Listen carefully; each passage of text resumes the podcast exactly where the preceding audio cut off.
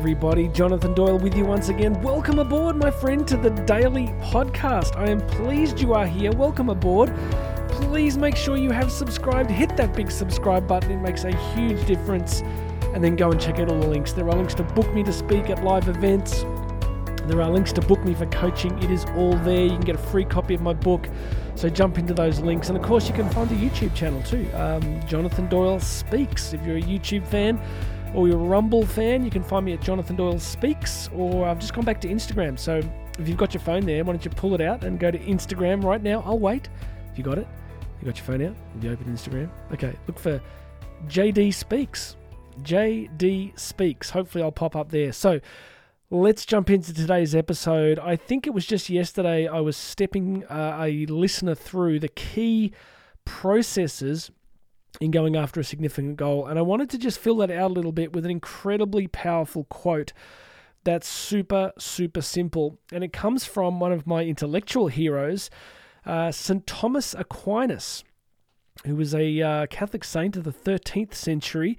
And he's known as the angelic doctor. He was probably seen as the greatest intellect in Christian history. You could uh, you could argue there's a few others that were close, but he wrote something called the Summa Theologiae, which was 83 volumes long.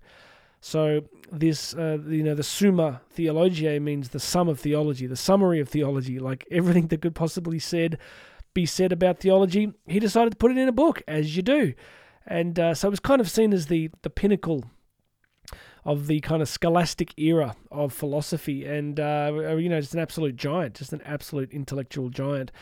And he was asked a question one day and he gave a two word answer. And I want to give you that answer in just a second. His, the question he was asked was slightly different to the one we're going to get into here, but it's still really, really powerful. He was asked the question, How do you become a saint? So, you know, he was asked, Come on, St. Thomas, you're the boss. Like, you've, you're the theological boss. You've written all this stuff. Why don't you give us the insight on how we become super holy? How do we become saints? And so at that point, that's his question. How do you become a saint? Now, if you're like me, you're thinking, okay, this could take a while. Well, this is the angelic doctor we're talking about. Like, he's written 83 volumes. I'm figuring we're getting at least a blog post about how to be a saint. If I was St. Thomas, I'd be like writing out a bunch of steps. There'd be some, you know, a bit of a preamble, kind of setting up the, the, the scene a bit. And then there'd be steps, and then there'd be evidence, and then there'd be a summary I'm thinking, I don't know, I'm thinking a couple of thousand words minimum. He comes up with two words. How do you become a saint? You ready? He said this Will it. Will it. Desire it. So, what has that got to do with you? I, I just, I, I was thinking about it recently and I thought, look, what I really want to teach people is many of us have wishes we wish to be healthier, we wish to lose weight, we wish to change our careers, and essentially they're wishes. They're kind of like, you know, it'd be nice if it was different. You know, I've been following the Bugatti account on uh, on Instagram. I like Bugattis. You know, the fact that they're, I don't know, maybe five to ten million a piece doesn't deter me. I just think that they're a piece of engineering mastery.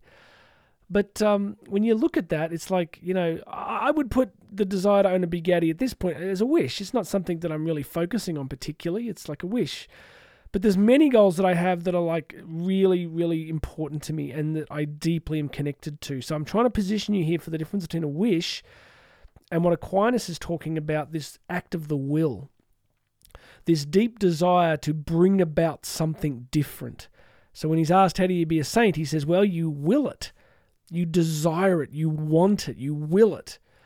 So, what I want to say to you today, if, if that is the insight of one of the greatest minds in history, I want to really connect you to that. I want to go, look, whatever it is that you want to change in your life at the moment, whatever is significant for you, whatever you want to be different, you've got to start from that will it position, not willpower. See, willpower is like, I really don't want to do something and it's something that you know I really just not that interested in. I'm going to try and force myself to do it. That's willpower. And as I've been saying, you know, for years, willpower is a finite resource. They can actually put you in a in a PET scan, a brain scan, and they can actually show you the part of the brain where willpower is actually found. Literally, they do these tests, and when people have to use willpower, that part of the brain lights up, and it fatigues. They can actually show you it fatiguing. The more willpower you have to use, the more it fatigues as you go through your day. And it's depending on hormonal levels and fatigue and sleep and all sorts of different things, right? So we've got that happening. So what do we do if it's not willpower? Well, I want to get you to this willing, this this first step of desiring. And I said this in yesterday's message is if something's important to you, you've got to get leverage on yourself. You've got to write down why does this matter? Why does this have to happen? Why is it significant to me? There's a whole bunch of goals that I'm working on at the moment, and I've probably never worked harder.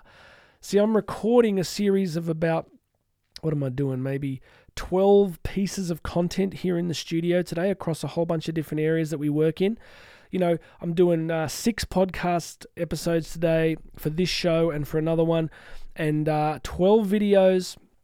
And I'm just going to crank them out because I have this deep connection of will to the things that I'm trying to change in my life, the things that are important to me, the things that matter. So, my friend, you have got to get that level of connection. I do not want you to cruise through life any longer thinking, well, maybe it's going to happen. Maybe it's going to work out. Maybe it'll get better at some point. You have to will it. You know, I've, I've, got to connect you to this because Aquinas is such a phenomenal intellect, and you always know it's boss stuff when somebody who could have written a billion words writes two. Like they're cutting to the absolute essence that before you work on a strategy, before you work on all the bits and pieces that might make the, your goals and dreams happen, you've got to be deeply connected to that first stage. You've got to want it, desire it, will it. That is what matters.